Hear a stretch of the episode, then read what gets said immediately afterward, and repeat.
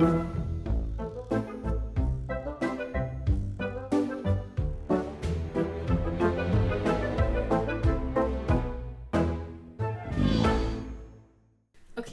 eerst en vooral mijn eh, oprechte excuses voor wat er nu gaat volgen, zowel aan de luisteraars als aan jullie. Bonjour et bienvenue dans C'est ce que c'était, un podcast qui traite d'histoire culturelle et historique, d'anecdotes et de faits qu'expliquer pourquoi les choses sont ou étaient comme elles sont aujourd'hui ou étaient autrefois. Bonjour, Google Translate. Et maintenant en néerlandais. Eh, mijn naam is Maaike en bij mij zit Claire Eline, de van oorsprong zoetste koffiekoek van de hele boulangerie. en Mark, het exportproduct uit de Denderstreek, dat net zoals Sabine Appelmans de bal soms mislaat. Excusez. Euh, Excusez-moi. Mais non, c'est pas vrai. euh. Ik heb, ik heb eh, sterk getwijfeld of het eh, eh, altijd de, de bal ehm, eh, aanslaat, of ik weet niet wat ik me daarvoor Mhm. moet zeggen. Maar Sabine Appelmans die heeft, eh, eh, ze was altijd vierde, derde enzovoort. Dus ik dacht, de bal misslaan. Dan- Ja, mooi, mooi Nee, maar daar teken ik voor, voor een vierde plaats in het, in het leven. Wij hebben na onze aflevering toch al onze factcheck achterwege gelaten, dus... Ehm, hallo, eh, dit is onze eerste eh, opnamedag sinds de... Ja, eigenlijk zitten we nog in de corona Sinds het begin ervan. Sinds na begin. de lockdown, kun je Ja. het ook zo zeggen. Ja, zo is. Dat hoor je aan het geluid, uiteraard. Eh, En aan de emotionele warmte die hier eh rond eh, Zindert dwaalt. Ja. tussen ons drieën. Och, heren. Ehm, maar we gaan het hebben over... eh, misschien heb je het al gehoord aan de intro. La douce France. Ja, we gaan het hebben over Frankrijk. Ja, wij zijn daar als, als drie absoluut eh, monsters van Franstaligen eh, compleet geschikt voor om het Ja. daarover te hebben. Dus Ja. we dachten, waarom niet? Ja, ik moet even ook nog zeggen, ik heb eh, aan een, een collega slash vriendin gevraagd om onze intro te vertalen voor mij. En ik, eh, ik had tegen haar gezegd, ah, maar ik ga je een shout-out geven in onze podcast, omdat je dat zo, zo lief gedaan hebt. En ze zei tegen mij, nee, nee, niet doen, want ik weet eigenlijk niet of dat wel zo correct is. Hè. omdat, het zo, omdat ik dat zo gekunsteld in het Nederlands geschreven heb, klinkt het Ja. waarschijnlijk ook in het Frans niet. En ook omdat ik geen Frans kan, maar ja. Ja, ja. Dat is wel Die een ongelooflijk mooie taal, toch? Frans. Ik vind dat niet. Nee? Oh, ik vind dat een Ik heel vind- mooie taal. Veel mooier dan Engels. Ik vind Duits enorm mooi. Ja, klopt. Engels. ehm, ik ben voor de Germaanse talen. Mm. Mm. Het Latijn is altijd mijn Ja, voorkeurstaal eh, geweest. Oh, oui, oui, oui, bien sûr. Vinden jullie Frans ook heel romantisch? Of is dat... Ja, Ja? ja, op een of andere manier wel. Oh nee. Ik vind het heel moeilijk balanceren tussen zeer romantisch of eh, regelrecht creepy.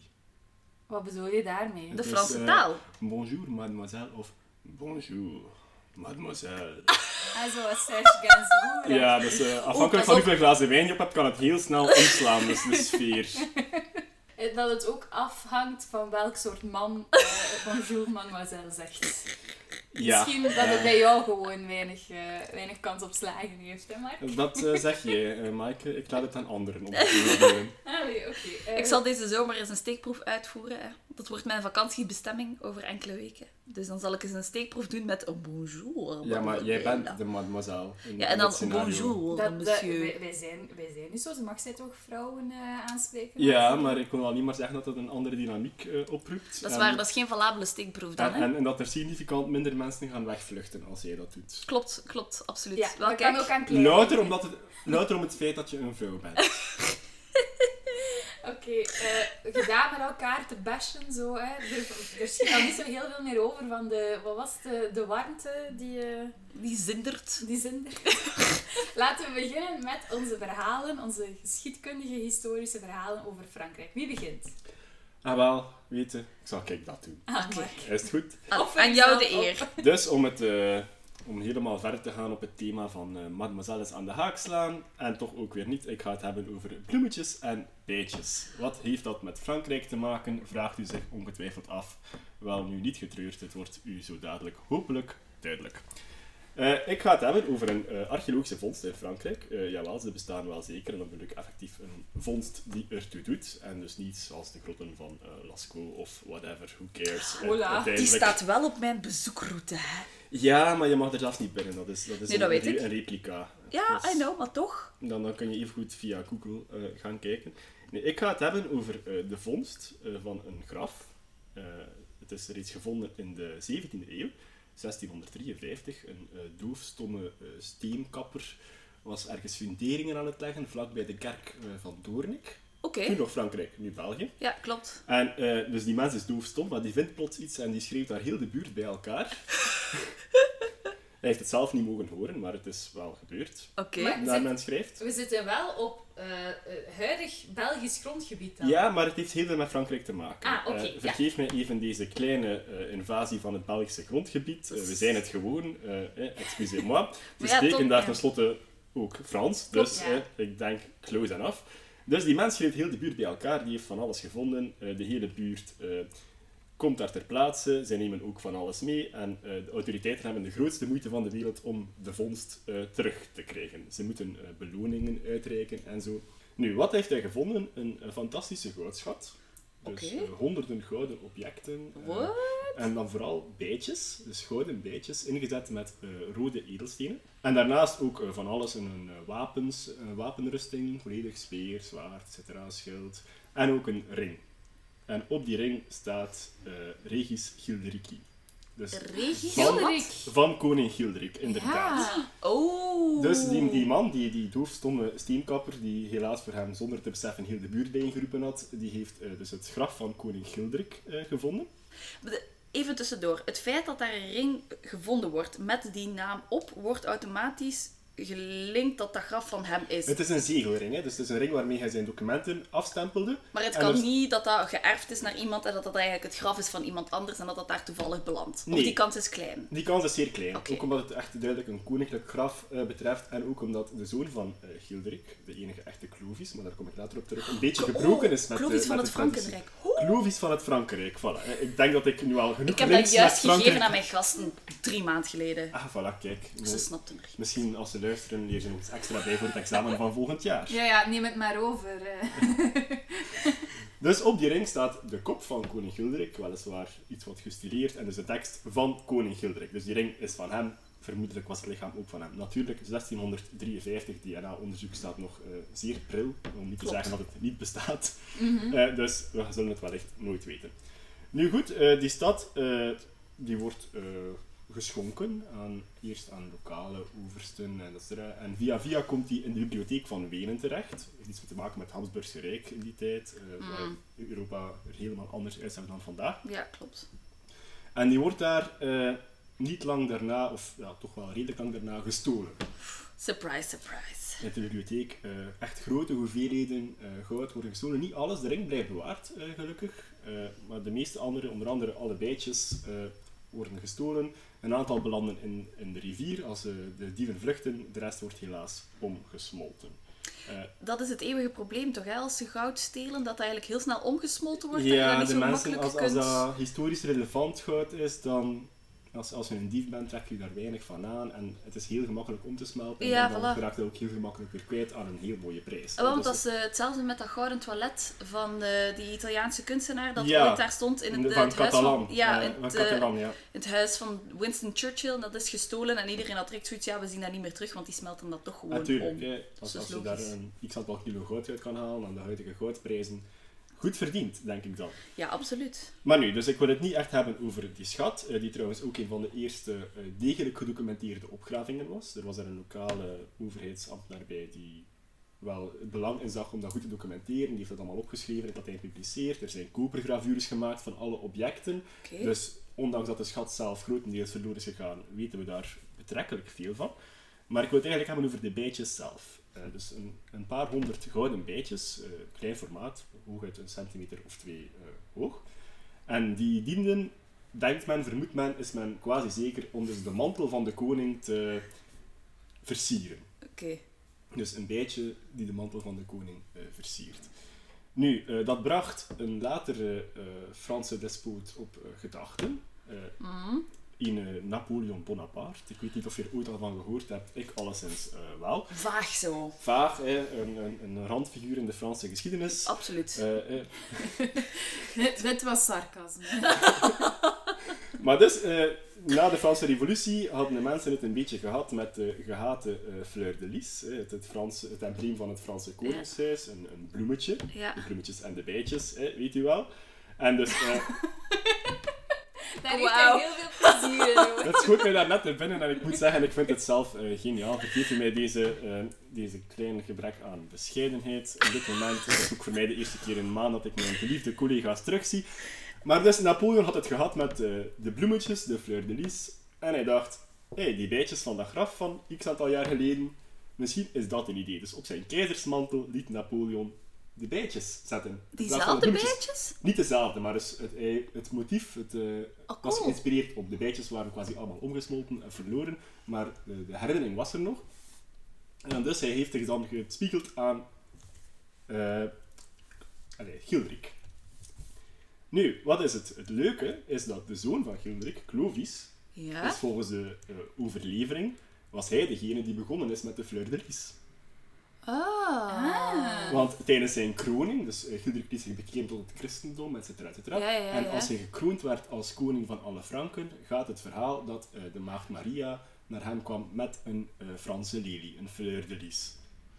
Cool. Dus Clovis eh, brak met de traditie van Gildrik, eh, installeerde de fleur de lis, die, die bleef eeuwenlang in gebruik bij alle Franse koningen, en dan vooral in het huis Bourbon, hè, met de, de koning Lodewijk, waarvan de 16e helaas, eh, of niet helaas, op het kapblok belandde. Napoleon dacht, ik moet iets anders verzinnen, en die greep dan eigenlijk terug naar wat de vader van Clovis, Gildrik, eh, zo beroemd maakte, die vondst. Ja. Dus voilà, de, de bloemetjes en de bijtjes in een eh, Franse context. Van tegenwoordig is de Franse lilie nog altijd zeer prominent aanwezig in vele adellijke Franse huizen. Ja. En het is ook het, het symbool van de stad Florence. Niet in Frankrijk, maar dit terzijde. Cool. Flo- Firenze. Ah ja, oké. ik was al niet mee. De stad Florence, niet in Frankrijk. Maar je gebruikt wel, wel de, de Franse benaming. Ja, ja. Ik had misschien ook eh tournee moeten zeggen in plaats van Doornik helemaal in het begin. Eh, Ja. Dat is eh, wel grappig, want ik heb nu even tussendoor opgezocht. Er, is zo'n heel Allee, er zijn twee bekende schilderijen van de kroning van Napoleon. Mhm. Ehm, en een daarvan is van Ingres, waar dat je eigenlijk Napoleon op zijn troon ziet. En als je heel goed kijkt, dan zie je effectief bijmotieven op zijn mantel. ja, dat was effectief zijn mantel. Ja, wel, vind ik super cool, want ik had Ah. daar nog niet op gelet. Maar je ziet inderdaad zo gouden geborduurde bijtjes. Ze zijn een beetje gestileerd, want het had wat mij betreft ook schorpioenen of zo kunnen zijn. Maar het ziet er ongeveer uit als een bij. Nu, eh, dit terzijde, men is x aantal jaar later niet super zeker dat het effectief bijen zijn. Het kunnen ook een soort nachtvlinders of zo zijn. Wie weet eh wat Ja, eh, wel. Gildrik bezig hield s'nachts. Eh de bijtjes zijn natuurlijk nu een zeer, romantisch, eh, zeer romantische diersoort waar we graag aan denken. Toen was dat misschien anders. Ik denk eigenlijk van niet. Honing is altijd al populair geweest. Klopt, klopt, klopt. Maar dus bloemetjes en bijtjes. En dan Napoleon die dacht, ik moet toch iets anders verzinnen dan die zo gehate fleur de lis. Het symbool van de Franse koningen die volledig eh, ja, weg moesten. En als keizer dacht hij, ik ga teruggrijpen naar de bijtjes. Maar dat is wel cool, want de Clovis is inderdaad zo het begin van de modernisering, zou je kunnen zeggen, in ons, in ons donkere middeleeuwen. Omdat die begint met zo alle Germaanse stammen te ver- veroveren. En die sluit dan ook een pact met de katholieken enzovoort. Ja, Dus het is de eerste echte christendom eigenlijk. van een echt Frankrijk. Ja, dus, dus voilà. de eerste keer dat er echt sprake is van een verenigd Frankrijk. Ja, Eh, het heet ook, ze waren ook de Franken, dus daar, vandaar ook het Frankenrijk. En dat is dan later geëvolueerd in Frankrijk op zijn geheel. Dus, eh maar dat wist ik niet. Cool. Dus, Zie, ik heb weer een super toffe anekdote voor in mijn lessen. En zo is de cirkel ook weer rond, want dat staat dan ook nog eens op schilderijen. Jij had ook iets over de middeleeuwen, hè, Maaike? ja, maar over de late middeleeuwen, denk ik. Ja, over de late middeleeuwen. Maar wipe that smile Ah, of your vooral face. duidelijkheid, ik heb het denk ik niet gezegd, maar Schilderik leefde in de vijfde eeuw eh, na Christus en hij maakte de val van het West-Romeinse Rijk mee. Eh, Ah ja, dit terzijde, een beetje situering, eh, maar dus toen leefde die mens. En Clovis was zijn zoon, dus die leefde net iets later. Ja, die Maar- is gekroond rond 500. Clovis. Ja. Gedoopt en gekroond, ja. Ja, ik ga eh, naar eh, 1368 om te beginnen. Eh, dat is de geboortedatum van Karel VI van Frankrijk. Mhm. Ook eh, eh, genaamd eh, Karel de Waanzinnige. En ik ga het daarover Altijd hebben. leuk, die bijnamen. Ehm, die man leefde tijdens de 100-jarige oorlog, dus daar is heel veel over te zeggen. Maar ik dacht, ik ga het voor mijn roddelrubriek, die ik hier eh, toch iedere keer weer hou, eh, over zo het, eh, het, waarom hij juist de waanzinnige als naam kreeg. Dus ehm, eh, hij leefde tussen 1368 en 1422 en hij was daarvan maar liefst 42 jaar koning, wat best lang is in de middeleeuwen, want eh, als je op eh, zwijnenjacht ging of zo, of op een paard ging gaan zitten, dat waren al risicofactoren. Dus op zich heeft hij het nog lang uitgehouden. Zeker omdat er heel wat rare dingen zijn gebeurd in zijn leven. Die te maken hadden met vooral zijn bizar gedrag dat hij stelde. Ehm, om een klein beetje context te scheppen over dat politieke. Zijn vader stierf toen hij 11 of 12 jaar oud was. En zijn, eh, de heerschappij werd dus overgenomen door zijn eh, ooms, door zijn onkels. Omdat je pas vanaf je veertiende ongeveer aanspraak kon maken op echte heerschappij. Dus hij werd daarin geholpen. Maar eh, er waren, ja, het was 100-jarige oorlog, er waren heel wat conflicten aan de hand. Dus die ooms die sloegen voor hem opstanden neer op een eh, zeer eh, hard, hardnekkige, eh, Hardhandige. hardhandige, hardvochtige manier, waardoor dat Karel VI al niet zo populair was om mee te beginnen, voordat hij eigenlijk al aan zijn heerschappij kon beginnen. Maar hij werd nog minder populair toen de eerste tekenen van krankzinnigheid begonnen te manifesteren. Dat was midden zijn twintiger jaren, dus al vrij vroeg. En eh, men schrijft tot nu toe eh, vandaag de dag aan schizofrenie, misschien psychoses die hij kreeg. Hij was ook vrij gewelddadig, naar het schijnt. En eh, historici die, die zeggen dat dat misschien wel erfelijk bepaald zou kunnen zijn, omdat zijn moeder op vrij jonge leeftijd ook al een inzinking had gehad. En dit is maar mijn ehm, idee, maar in die, in die royale kringen werd er af en toe ook eens getrouwd met Oh ja. familieleden. Ik wou het net vragen. Ja, van, incest eh, is eh, is de schering en inslag. Dus ik denk inderdaad dat dat ook niet zo... ehm, ja, dat dat misschien wel kan zijn dat je daardoor eh, meer kans hebt op... ehm, Er zijn idee. een aantal Karels eh, die notoir eh, zwak begaafd waren. Als Maar heeft dat dan te maken met incest. genetische factoren? Dat weet ik niet. Bij Wel- Karel II van Spanje alleszins wel. Die was gewoon compleet onvruchtbaar, gehandicapt. Die is van, Ja. van Ja, kleuter maar dat naar, naar, fysieke- gegaan. Nee, ook mentaal. Ah ja, ook mentaal, oké. Ja, ik bon. alleen maar de fysieke Andere Karel, gevolgen. ander land ook. andere Karel, maar eh, we kunnen wel zeggen dat dat een... Ja, het is niet goed hè, als je trouwt met je nicht of, of daar, daar kinderen probeert mee te maken. Nee, of, eh, doorgaans niet. Eh, het is niet aan, aan te raden. Ehm, maar goed, misschien moeten we eens overlopen wat zo een beetje de, de, de dingen zijn waarmee, waarmee dat hij bekend geworden is. Ehm, in 1392, 1392 en 1393 zijn twee jaartallen waarin het een beetje fout ging. Maar goed, dus 1392 kwam er een moordpoging op zijn vriend en zijn raadsman Olivier de Clisson. En hij was daar zo, zo door aangedaan en dat was de eerste keer dat het voorkwam dat, dat mensen begonnen te denken van oei, Karel, Savan nog. Ehm, hij was daar zo door aangedaan dat hij eh, besloot om die moordenaar, dus de, de, allee, de persoon die De wannabe-moordenaar, Ja, de wannabe-moordenaar, om die te achtervolgen. Die was gevlucht en eh, die man eh, die heette Pierre de Craon. En die was gevlucht naar Bretagne. Maar Bretagne wou die man niet uitleveren. Dus Karel, ja, die heeft op dat moment veel belangrijkere dingen te doen dan zomaar eh willensnels achter elke man aan te gaan die, eh, die eh, het Frans grondgebied telt. Maar die, die kan dat niet loslaten en die zet samen met zo'n een heel gevolg zet hij de achtervolging in. Men zegt dat hij op dat moment al wat warrig was, zowel in, in zijn manier van doen als in zijn spraak. Dus het was al niet zo eh, op het goede pad aan het gaan. Maar wat er ook niet op het goede pad aan eh, het gaan was, was bij Le Mans eh, kwam een bedelaar op het pad. Eh, die man was gekleed in vodden en die was blootsvoets enzovoort. Dus ehm, eh, niet de meest ehm, ja, eh, aangewezen persoon om naar te luisteren. Ehm, Dat is wel heel, eh, hoe zeg je het, bevooroordeeld van jou, Mike. ik wil zeggen, eh, ja, die, die stond daar. Eh, meestal ga je die gewoon opzij duwen of misschien Zeg, zeg. lichtjes vermoorden als het jou niet goed uitkomt.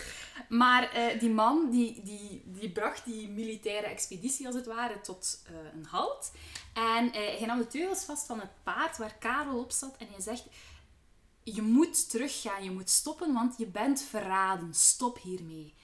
En eh, die, ja, het hele gevolg probeert die bedelaar van, van dat paard af te slaan enzovoort. En ze zetten gewoon de tocht verder. Ehm, maar die bedelaar blijft wel, dat vind ik heel grappig, dat staat in de, in de geschriften die zijn overgeleverd. Die bedelaar blijft daar zo een half uur achteraan hinken en blijven roepen en doen en stop en uh, wat zij hier aan het doen en zo. Dus ik vind Is dat dan hilarisch. echt een verwarde man, hè? vraag je je af. Doorzettingsvermogen. Ehm, dus eh, ja, maar ja, natuurlijk als er een half uur iemand achter jou aanhinkt, dan, eh, dan, kan je, ja, dan blijft dat toch wel hangen wat dat die persoon zegt. Dus eenmaal uit, dat ze uit het bos komen, zou er iets gebeurd zijn. Ze komen uit het bos en hij is zich zo aan het voorbereiden op, op, op oh, die confrontatie die zou moeten komen. Maar een, eh, een eh, eh, page, een page ehm, die eh, wordt op een bepaald moment verblind door de zon. En die laat zijn lans vallen op een helm die op de grond ligt. Dat maakt natuurlijk een heel kletterend geluid. En eh, Karel die was compleet, die dacht van, ze zijn hier, ze komen mij halen. En die neemt die page en die begint eigenlijk gewoon in het rond te slaan met zijn, met zijn ja, dolkwapen, whatever dat hij bij had. En eh, het heeft een hele tijd geduurd voor ze de koning konden bedaren. En hij heeft op dat moment ook eh, een heel wat, eh, een, denk een drie of een viertal mensen vermoord op dat moment. Omdat hij dacht dat hij aange, aangevallen werd. En eh, het volgende wat wordt gezegd is dat hij gewoon comateus op de grond viel. Dus al bij al, eh, Geen geslaagde expeditie toch? geen, nee, helemaal niet. En ook al, ik zou dat persoonlijk een, eh, een slecht persoonlijk jaar noemen. maar, Understatement. maar, Een minderjaar. Een maar dipje. dan moet 1393 nog komen. Ehm, in 1393 kwam er een periode waarin hij zijn eigen naam niet meer wist. En ook niet dat hij koning was. Eh, klein nadeel natuurlijk, als je zo'n belangrijke functie hebt. Eh, er wordt ook gezegd dat hij zijn eh, bedienden verzocht om zijn vrouw, die hij niet meer herkende, eh, haar mee te nemen en al haar wensen in te willigen, zolang dat ze hem maar niet lastig viel. Want hij dacht dat ze een soort van, eh, ja, misschien ook zo'n bedelares was of zo, die eh, achter hem kwam. Ze met een kroon op en allemaal juwelen rond haar nek. ja, zeer specifiek Kom die ook soort elke dag tegen. Maar je hebt geen chance. maar iets anders dat er gebeurde in eh, 1393 was het Bal des Ardents. Denk dat ik het zo juist uitspreek. Hebben jullie daar al van gehoord? Ja. Nee, ik... festival in? Ja, Les Ardentes. Dat is het Ah. festival. En daar moest ik inderdaad ook aan denken. Ik maar hoop dat is het dus niet. Ik hoop dat er... Misschien is het er wel naar vernoemd, maar ik hoop dat het niet hetzelfde daar gebeurt als wat er toen in de 1393 gebeurd is. Ehm, het speelt zich af op 29 januari 1393 en het is een gemaskerd bal. En het werd later in de bronnen eh, Bal des Ardents genoemd en ehm, eh, dat zou moeten vertalen als bal van de gemaskerde mannen. Oké. Eh, nee, sorry, van de brandende mannen. Oh ja, ja, ja. Oeh, maar ik weet... Ja, ik Ja, weet, je het verhaal? al. Ja, ja, ja. Want dat is toch dat er zo een artiest of zoiets optreedt en dat hij dan per ongeluk in de mantel van een of andere... Ah, bijna, bijna. Of dat er gewoon dat iemand iemand anders in brand steekt, Ja. omdat hij een gigantische show wou en dan is er toevallig ergens een, een vuurtje gestookt en dat heeft dan zich verspreid doorheen Ja, bijna. zaal. Zoiets, hè? Bijna. Ehm, het werd georganiseerd door Isabeau van Bavaria ehm, als een soort van verlovingsfeest voor een van haar hofdames. Ehm, dus het is, eh, ik stel mij dan echt een crazy party voor. Ehm, want de koning en vier andere edellieden die hadden een lumineus idee. Die dachten, wij gaan kostuums aantrekken. En het, die kostuums dat waren een soort van... ehm, ja, het was eh, stof die echt heel dicht op de huid was. Aangenaaid, moet je dan voorstellen, denk ik. Een Eh, onesie. Of Ja, zo een. Zo. Ja, ja hoe heet dat? Een morphsuit? Een morphsuit dat ja. zo volledig... Ja, in- zoiets Ah, eigenlijk. Echt heel, heel ja, ingenaaid worden eigenlijk. En dat was gedrenkt in was of pek. Ze zijn er niet zo zeker van welke van de twee. Maar slim. misschien Mhm. voel je hem al een beetje aankomen. Zij niet. Ehm, later zou ze heel wat meer voelen, maar goed. Ehm, en ze hadden daar mos en gebladerte op, ge, ja, op geplakt. Eh, want de bedoeling was dat ze overkwamen als een soort van wilde mannen. Juist, ja. ja. Zo, ja. En ehm, eh, ze, ze, wa- ze waren voorbereid. Ze hadden gezegd, iedereen met toortsen, want in zo'n middeleeuws kasteel heb je wel eh, vuur nodig om verlichting te maken. Ehm, ze hadden gezegd, iedereen met toortsen ga een beetje, ga een beetje aan de kant gaan staan, ga in alle hoeken gaan staan, ehm, eh, zodat wij hier een beetje ons dansje kunnen doen. Maar Lodewijk I, de, de, kon- de koning zijn broer, En, nota bene, ik ga er even ingooien voor de roddelrubriek, eh, de minnaar van zijn vrouw, van Karel. Ehm, Oh, oh, ja. Die kwam te laat. Ik stel mij daar echt zo'n, eh zo een, eh, ja, ik weet niet, een onnozele Don Juan bij voor, die dan te laat Ja. komt. En dan, hè. Zo half binnenstormend. Ja, inderdaad. Ehm, en eh, ja, die is de broer van de koning, dus die kan zich wat permitteren. En die komt binnen en die ziet daar zo vier, eh, vier of vijf rare mannen zo een beetje staan. En die denkt, eh, eh, ik wil weten wie dat, dat hier is en eh, ik ga een beetje lollig komen doen. En die komt met zijn toors heel dicht bij die mannen staan om te kijken wie die mensen zijn. En ehm, je raadt het nooit, hij steekt die in brand. Want ja, Ja. pek en was, dat brandt natuurlijk. Maar dat is niet met opzet, voor alle duidelijkheid. Niet met opzet. Gewoon omdat hij dom is. Gewoon omdat hij dacht, ik ga 1 plus 1 is 2, was te moeilijk. Ja, ja ik, ik ga even lollig doen waarschijnlijk. Hè. Ehm, dus hij steekt die in brand. Nu, wat gebeurt er? De hertogin van Berry die drapeerde de sleep van haar jurk over de koning, over Karel, om hem te beschermen voor de vlammen en hem waarschijnlijk ook een klein beetje uit te proberen doven. Meerdere ridders die waren zeer zwaar verbrand na het incident. Eh, de vier edellieden naast de koning die lieten het leven, want die moesten maar zelf proberen zorgen dat ze uitgedoofd werden. En eh, een andere man die kon zichzelf nog redden door in het afwaswater te springen. Van de, de keuken waarschijnlijk. Die, eh, Oh. Wellicht. Maar eh, eh, ja, ik- ja, dus 1393 was ook al niet zo'n goed jaar. Om af te ronden zal ik nog eens eh, zeggen wat er dan gebeurde. In 1395, 96 dacht hij Sint-George te zijn. Ehm, hij herkende wel zijn hofhouding, maar niet zijn vrouw of kinderen. Ik denk persoonlijk dat dat dan gewoon een heel slimme man is. Die doet alsof hij zijn vrouw en kinderen niet meer herkent. Goed. Eh, maar er staat ook in de bronnen dat de poorten van het kasteel op slot moesten gaan om eh, hem te beschermen dat hij niet eh, ergens in de wildernis ging gaan rondlopen. Waanzinnig. Ja. Ehm, in vij- eh, 1405 weigerde hij te wassen of eh, zijn kleren te verversen eh, gedurende vijf maanden. Wat juist in die periode denk ik een, eh, het, het, eh, beste is wat je kan doen als koning. eh, als je toch mag wassen en zo. Eh, voor de gewone man was dat er niet bij, maar Nee, hij klopt, weigert dat klopt. te doen. Waarom is hij dan het meest bekend geworden? Paus Pius II die schreef dat Karel VI die vaak dacht eh, van glas te zijn gemaakt. En hij probeerde zichzelf te beschermen zodat hij niet zou breken. Er zaten zogezegd ijzeren staafjes in zijn kleding. Ik heb geen idee hoe dat, dat juist moet werken, maar als het voor hem werkt, eh, zoveel te beter. Hij had ijzeren staafjes in zijn kleding, zodat mocht hij in contact komen met iemand anders, dat die ijzeren staafjes hem zouden beschermen, zodat hij niet zou eh, breken. Dat wordt vandaag vaak glass delusion genoemd. En ik zal ervoor zorgen dat je daar meer over kan te weten komen op Instagram. Yes. Want eh, er waren nog mensen die daar last van hadden in eh, de middeleeuwen en de vroegmoderniteit. Ik dacht aan Vincent Company, maar oké. Ik denk dat je, denk dat je met een... eh, ben jij daar mee? Of wat Ja, tuurlijk. Ah, ik totaal niet. Ik ging zeggen, wrong crowd. Nee, nee, maar dus Vincent Company is niet uit de middeleeuwen. Hij is ook wel een beetje ouder ondertussen. Ja. Maar hij heeft ook wel nog eens last van de glazen gebeenten, hè? Ja, het eh, wordt wel de man van glas genoemd. Ja, omdat En- elke keer als hij terug op het veld komt, heeft hij weer een blessure en is hij weer oud voor zoveel maanden. En dan komt hij eindelijk hersteld terug en dan gebeurt er weer één of twee matchen iets Dus je en dan kan, is je hij kan weer oud. tegenwoordig En, geld ja. inzetten op hoe lang hij fit blijft of hoe Ja. weer uh, geblesseerd te Ah, is dat wat al die mannen in die bedcenters gaan doen? Onder denk andere. onder, onder andere, onder Je andere. kan daarop van alles wedden, Maaike. Oké, ja. Ontdek het nu zelf. Hoe? Nee, nee. Geen reclame voor Nee. Bedcenter, geen We gaan reclame. hier geen gokreclame Nee, maken. wij sporen niet aan tot gokken. Voilà, dat was eigenlijk mijn, eh, mijn verhaal. Amai, maar zo cool. Ja, want die middeleeuwen, allee, het, het leuke aan de middeleeuwen is, omdat daar zo weinig wordt geschreven, is dat allemaal zo een stukje gokken voor een groot stuk. En wordt er Mhm. zowel wat heel hard veel gespeculeerd. En er wordt ook veel gebru- gebruik gemaakt voor- van beeldspraak en dergelijke. Maar eh, beeldspraak is iets heel tijdgebonden, dus dat verandert ook wel een keer, waardoor dat ook heel moeilijk is om te vertalen enzovoort. Dus dat is echt super cool. Maar mijn verhaal begint ook in de middeleeuwen. Want eh, het gaat over een, ehm, een middeleeuws kasteel dat gebouwd werd in, eh, in 1190 door Philips II.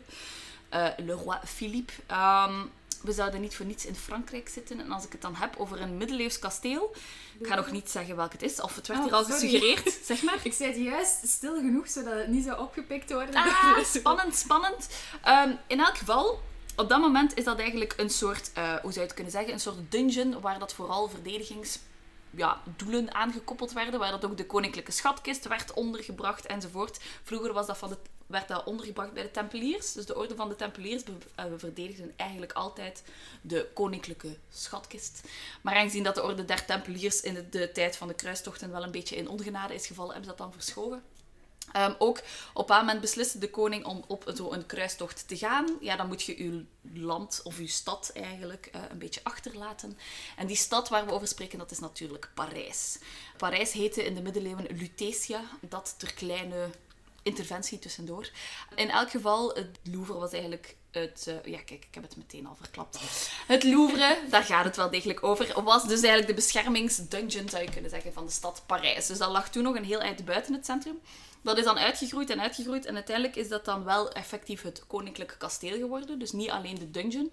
Catharina de Medici is daar dan ook nog naartoe gegaan. Ehm, zij is vooral bekend van de Bar- Bartholomeusnacht van 1572. Ja. Zie, ik, je hebt daar... Was, de- Ja, ja. Ik, Semi? ik weet er alles eh, van. Dat heeft te maken met, eh, met de protestanten, Ja, toch? Hè? Met inderdaad. de hugenoten. Ja, inderdaad. Er was een huwelijk tussen ehm, de hugenoten en de eh, katholieken. En dat werd niet door... heeft net een, een dab gedaan. voor de luisteraars, Full heeft absoluut... Dat is het soort vrouw dat ze is. Ik ben er volledig trots op, jongens. Sorry. Eh, nee, helemaal niet echt. Nee, in ieder geval, Catharina de Medici, eh, waarom is zij daarmee verbonden? Op een moment is er een huwelijk tussen eh, de prinses en nog een graaf, I don't know. En ehm, tijdens die wel bepaalde Bartholomeusnacht, eh tijdens de festiviteiten, is er ergens iemand die een moordpoging heeft geprobeerd eh, op een protestant. En dat is dan gelijk een lopend vuurtje, zoals het vuurtje. Heeft dat zich verspreid en ehm, is er eigenlijk een soort gigantische raid geweest op de protestanten, dat eigenlijk over heel Parijs en heel eh, Frankrijk zich verspreid heeft. Waarom is Catharina de Medici nog bekend? Ze heeft de Tuileries opgericht. Ehm, en voor wie al eens naar Parijs is geweest, kent dat daar wel. In ieder geval, dan komt de Franse revolutie en tot dan is het Louvre eigenlijk niet zo wauw. Daartussen heb je dan onze... eh, de... de, de allez, Le Roi Soleil. Ah, Lodewijk de Lodewijk XIV. Die dus. Maar die woont ook niet in het kasteel in het, in het Louvre. Die heeft zijn eigen kasteel, dat we allemaal ook wel kennen. Franse revolutie komt daartussen. Er wordt eigenlijk heel weinig gedaan met dat museum du Louvre. Als in, wij noemen dat nu zo, maar het is heel lang geen museum geweest. Het is pas na de Franse revolutie dat men beslist om daar een museum van te maken. Want in eerste instantie was het een bibliotheek. Het was een stukje van de koninklijke bibliotheek. Er is superveel aan verbouwd, aan dat gebouw. Echt stukken bijgebouwd en aangevuld enzovoort en zo verder. Ook, je hebt nu zo verschillende eh, vleugels. Wie naar het Louvre is geweest, krijgt een mapje. En daar staat dan zo verschillende kleuren. Zeg maar map. Of map, ja, het is echt Een het kaart Een kaart, ja, voilà. Een Een kaartje. Het is uitvouwbaar, dat is wel echt waar. Naar verschillende eh, vleugels. Je hebt de Richelieu, je hebt de Sully en je hebt de Denon-vleugel. En afhankelijk van welke vleugel dat je zit, heb je dan nummertjes. En dat zijn dan allemaal andere categorieën en Is zo. de, de non, is dat niet met de beeldhouwwerken? Ja, maar ook met een stuk schilderkunst. En het hangt er vanaf op welk verdiep dat je ja, zit. ja, ja, ja. ja Want, en de Sully is zo in het midden, dat is eigenlijk het korte deel. Want Louvre is nu een U, hè. Dus een U eigenlijk. En het korte deel van de U, dat is de Sully-winkel, eh, Sully-winkel, vleugel. En daar zit zo de klassieke Egyptische kunst en zo. En dan in Ja. de eh, Richelieu-vleugel zit dan de Sumerische kunst en dergelijke. En Ik moet zeggen, ik ben er al twaalf jaar niet meer geweest. Ja, het is ik. wel nog eens de ik moeite. ben er is ook al nog eens lang de niet meer moeite. geweest. Dus, eh, allee, ik, vind, ah, ik blijf dan een museum vinden waar ik, dat ik altijd heel graag naartoe ga.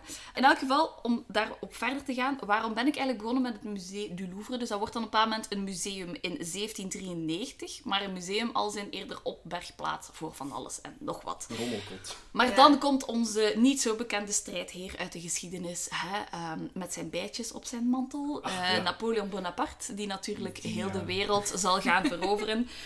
Daar begint eigenlijk zo het ehm, kritisch kantje van het Louvre. Want Napoleon heeft natuurlijk heel veel kunst geappropriëerd. Dus meegenomen uit zijn veroverde gebieden. En dat dan eigenlijk in zijn privémuseum gezet. Want hij beschouwde het eh, Louvre als zijn privémuseum. Hij heeft daar heel veel, vandaar de Griekse kunsten, die Sumerische kunsten. Waarom dat, dat daar ligt, is omdat heel veel daarvan door Napoleon meegenomen is. Catharina de Medici heeft daar ook een stukje aan toegevoegd, maar weinig. Napoleon heeft dan de Denon-vleugel daar de naam aan gegeven, want Denon was zijn, eh, ja, zijn raadsheer, zou je kunnen zeggen. En die heeft het museum voorgegeven op dat moment. Dan wordt er eigenlijk niet zoveel mee gedaan met dat museum, tot aan de, het, eh, de wereldoorlogen natuurlijk. Dan wordt eigenlijk zowat alles ja, verscheept uit het Louvre en naar geheime plaatsen gebracht, want de Duitsers mochten niet weten waar het was. En dan hebben we François Mitterrand, de Franse president, die gaat eigenlijk een gigantische verbouwing toevoegen aan het Louvre. Dus ik dacht altijd dat dat zo'n heel oud, archaïs museum is. Maar eigenlijk is er heel veel van dat museum vormgegeven door Mitterrand. Ik wist dat helemaal niet. Onder andere natuurlijk de glazen piramide. Eh, 1881, eh, 1981 tot 1999 spreken we dan. En ondertussen is dat een van de grootste musea ter wereld na de Met, Metropolitan Museum in New York, en de Hermitage in Sint-Petersburg. Ik heb de Hermi- Hermitage ook al gezien en daar was geen Michelin-kaartje en ik was echt compleet de weg kwijt. Het is belachelijk. Ik ging dus... ehm, eh, ik weet dat er heel veel eh, erge dingen gebeurd zijn, maar bear with me. Ik ging dus deze, deze zomer naar het Hermitage gaan. Dat gaat dus niet door. Ehm, en ik ben Ja. triest. Ja, ik snap het. Maar als je gaat, bereid u alsjeblieft voor. Want ik was daar compleet zonder voorbereiding. Ik was toevallig in Sint-Petersburg. En ik dacht, ik ga dat eens bezoeken. Maar echt, de waarheid. Je ver- Oh my god, dat is verschrikkelijk. Je, je weet gewoon niet waar dat je bent. En je gaat de ruimte binnen en daar hangen nergens plakkaatjes. Dat is gewoon één gigant... Dat is gelijk dat je zo naar je bergkot gaat om een vijsje te vinden.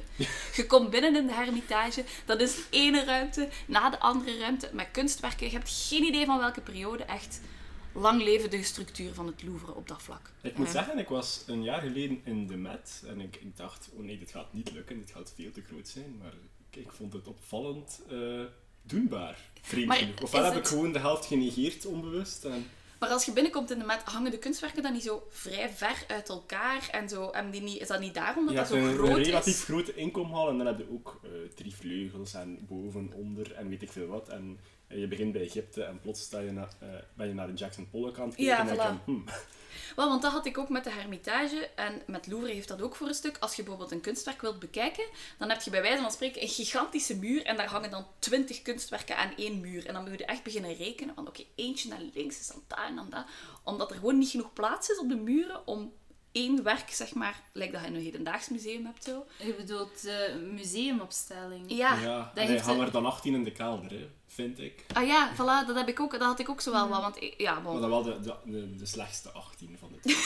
graag. Ja, maar wie bepaalt dat dan? Maar dat is dan de Ja, vraagstuk van ik de was ook kanon. ooit in het Tate Modern en ik ging daar specifiek om één Salvador Dali te zien die ik een aantal jaar ervoor had gezien in dezelfde Tate Modern en die hing daar dus niet meer. Ze Ah. hebben die in de kelder gehangen en ik was compleet van de kaart, woedend op de arme, op de arme security guard die, die mij dat moest uitleggen. kunstwerk? Dat, dat de curator het toch anders zag, deze tentoonstelling. Goed, Oh, eh, die, persoonlijke eh, slechte ervaring terzijde.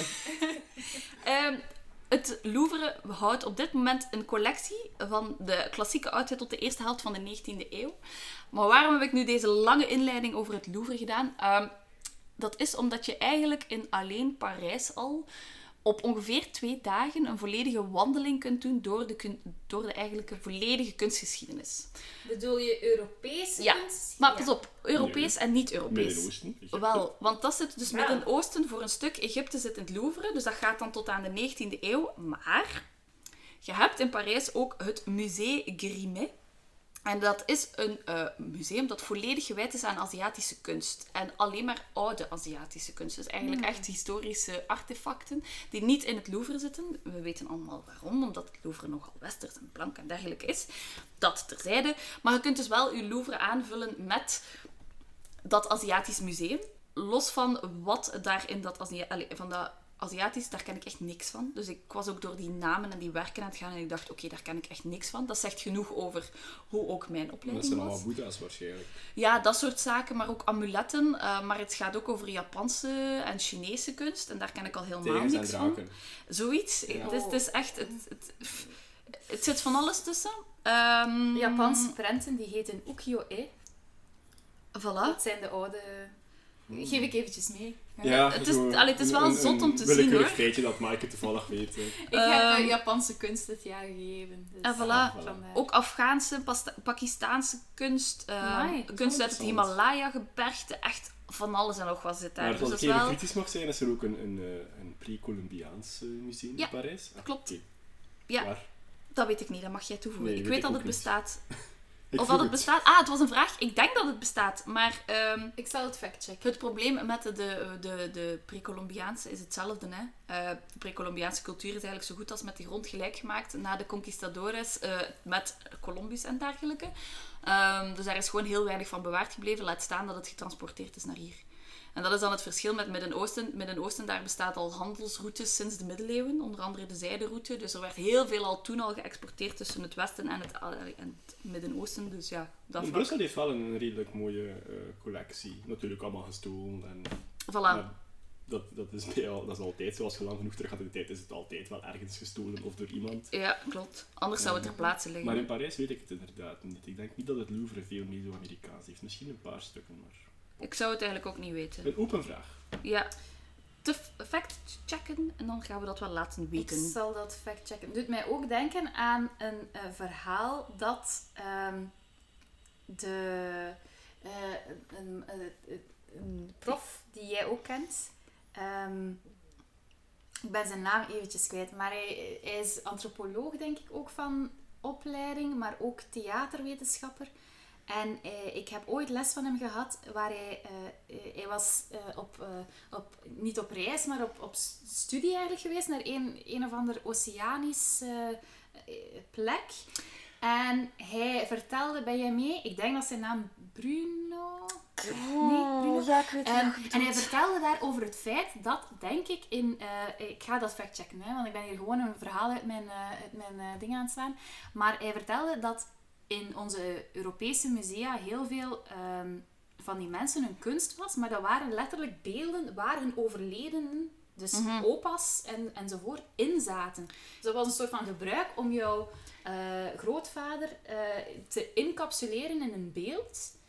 En dat Ja, waardoor dat eigenlijk op het moment dat ze dat meenemen, dat ze niet alleen het beeld, het kunstwerk Ja. meenemen, maar ook eigenlijk hun Ja. psychologie en hun traditie en alle rituelen en, en daar hun rond. voorvaderen. Ja, en dat, is, dat die dat ook be- bekijken, was niet al- alsof dat hun voorvaderen ook gevangen zitten in dat museum dan? Ja, en, en geroofd zijn, letterlijk de lijken geroofd zijn door, eh, ja, in dit geval West-Europeanen. dan. Ja. Ehm, maar ik ga dat factchecken om. eh En om ik geef meer, dus eh, de shout-out, want de professor in kwestie is Hugo de Blok. Hugo de Blok. Dus Thank niet you. Bruno, maar Hugo. Sorry, maar het was Hugo de Blok. Echt Hugo love van you, alle echt. Zeer heerlijke man, met enthousiasme. Ja, Love ver- it. Echt vertelt- heerlijk. Fantastisch. Ja. Om mijn verhaal verder te zetten, dus het Louvre stopt in het, eh, de eerste helft van de 19e eeuw.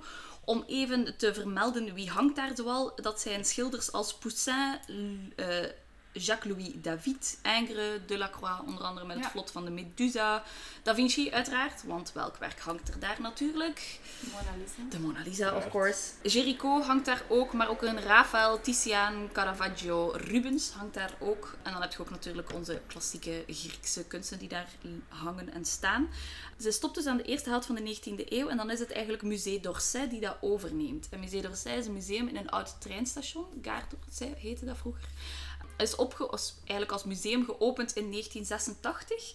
En die beginnen echt letterlijk aan waar dat het Louvre stopt. Dus eens dat je het Louvre hebt bezocht, kun je eigenlijk doorwandelen naar Musée Is, d'Orsay. is dat waar l'Olympia van Manet Ja, hangt? Ja, voilà.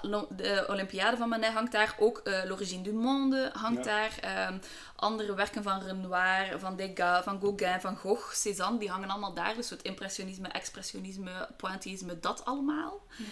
En dan eigenlijk, dat gaat dan tot 1914 ongeveer. Wij noemen 1914 altijd een beetje het begin van de moderne kunsten met het zwart vierkant van Malevich. Ach, Dat wordt zo gezien als het kantelpunt. trauma's. Ja, keihard, hè? Ik ben er wel enthousiast over eigenlijk. Over het zwart vierkant. Ja, Maar waarvan, waar komt jouw trauma? Waarschijnlijk uit de lessen en het eeuwige herhalen van... Professor Dr. Koenraad Jonkheer. Oh ja, tuurlijk. eh Koenraad. Maaike, we gaan hier niet beginnen claimen eh aan plein publiek. Koenraad, ik ben fan van jou. Sorry, eh, het is mijn promotor, dus eh, eh, op zich eh, niets tegen die man.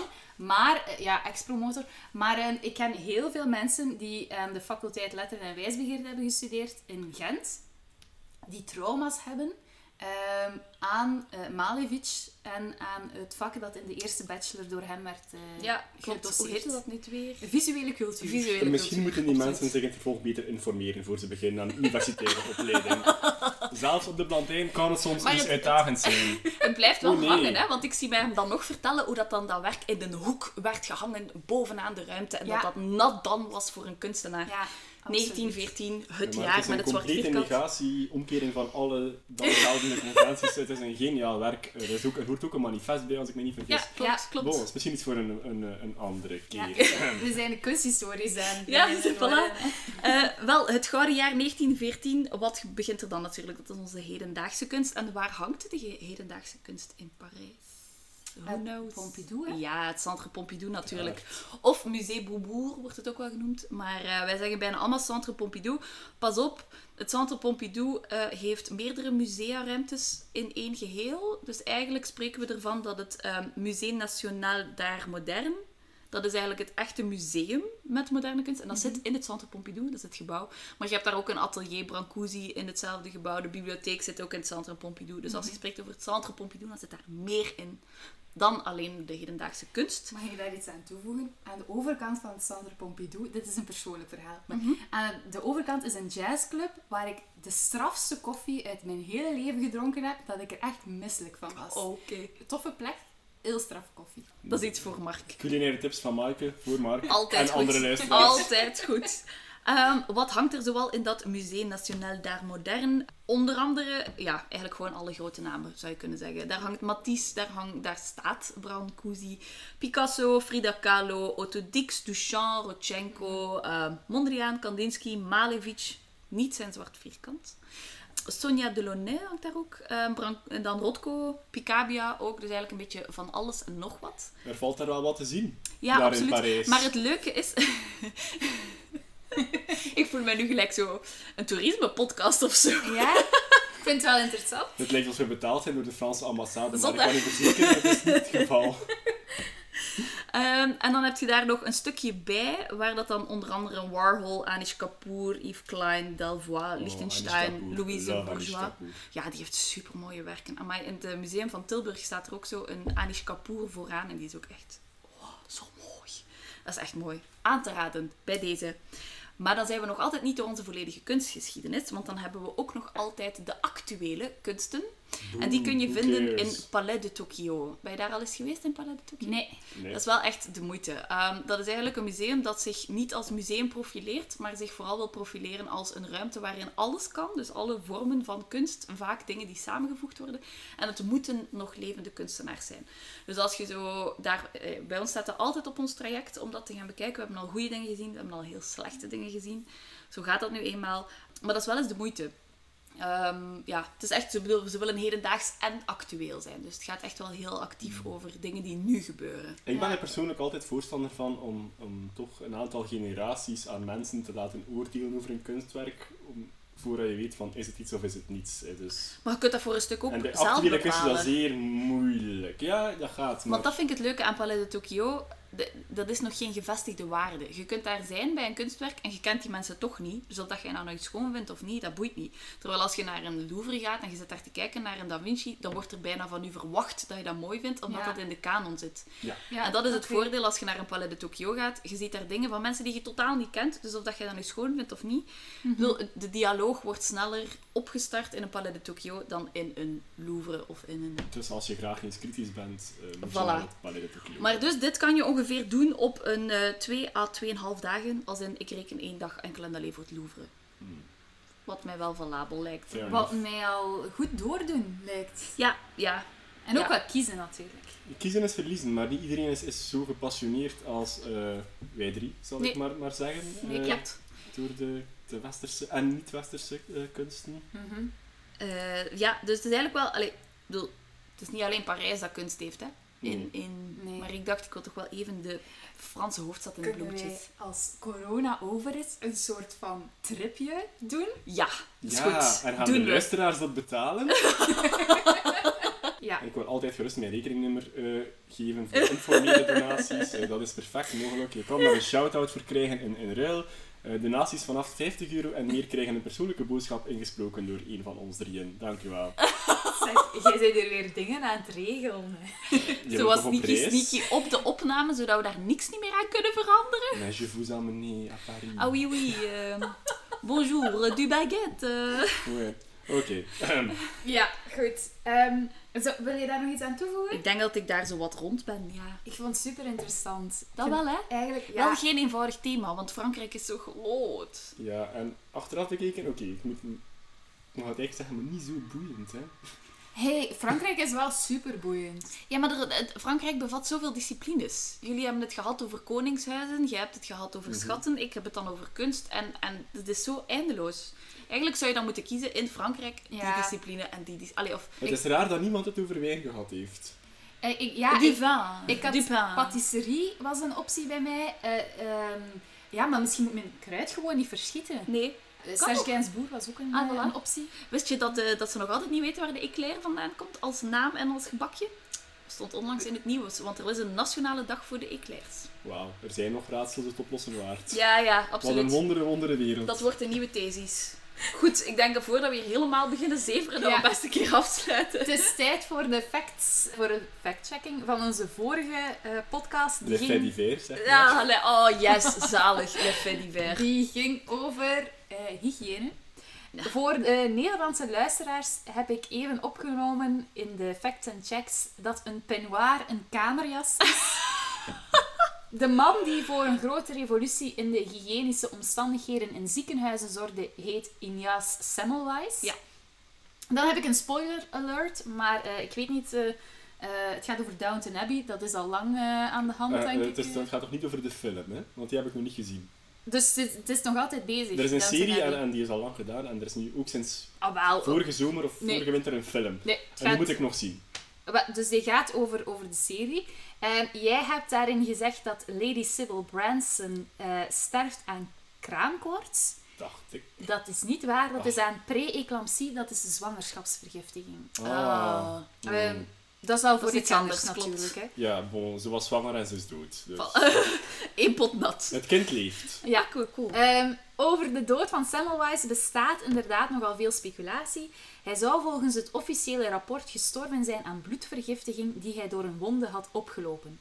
Een groep wetenschappers groef zijn lichaam 100 jaar na overlijden op en zij stelden vast dat er misschien sprake was van ernstige verwondingen die toegebracht konden zijn tijdens zijn internering. Ja. Met andere woorden, dat dus de, het verpleegpersoneel eh, misschien iets te hardhandig is Ja, geweest. daar was toen ook wel sprake van. Eentje waar heel veel eh, commentaar, zal ik maar zeggen, eh, feedback op gekomen is, is mijn uitlatingen over het Japans toilet. Ik heb daar meerdere berichtjes over gekregen. Een Japans toilet is sinds eh, vier jaar niet meer illegaal in België. Ik heb dat ehm, eh, gehoord, dat dat illegaal was in een podcast van eh, Xander de Rijke. Juist. Want ik haal er al mijn informatie vandaan. Ik kon wel niet meer vinden de welke, maar het was ehm, eh, William Boeva die zo'n toilet eh, had of heeft. En die zei, ik mag dit eigenlijk niet zeggen, want eh, het is illegaal in België. En ik dacht dus dat dat was omdat daar eh, een grotere hoeveelheid water voor nodig was. Maar eh, Gert Verhulst heeft er bijvoorbeeld meerdere, al dus eh, de bron waar ik een beetje beschaamd voor ben om ze te vermelden. James Cook in eh, De Slimste Mens ter Wereld. Oké. Valabel.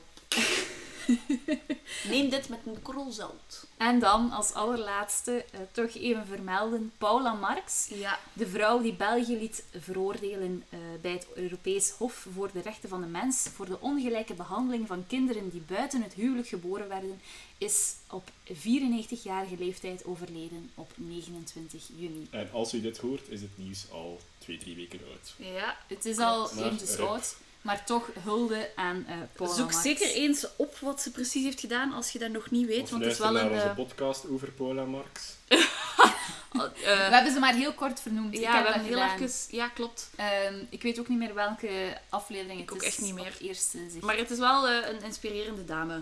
Dat was de podcast voor deze week. Volg ons op Facebook en Instagram bij de Het is wat het was pagina's. Abonneer via Spotify, Apple en Google Podcasts. En helemaal nieuw, dan verlaten we jullie met een quote van Amerikaans journalist PJ O'Rourke.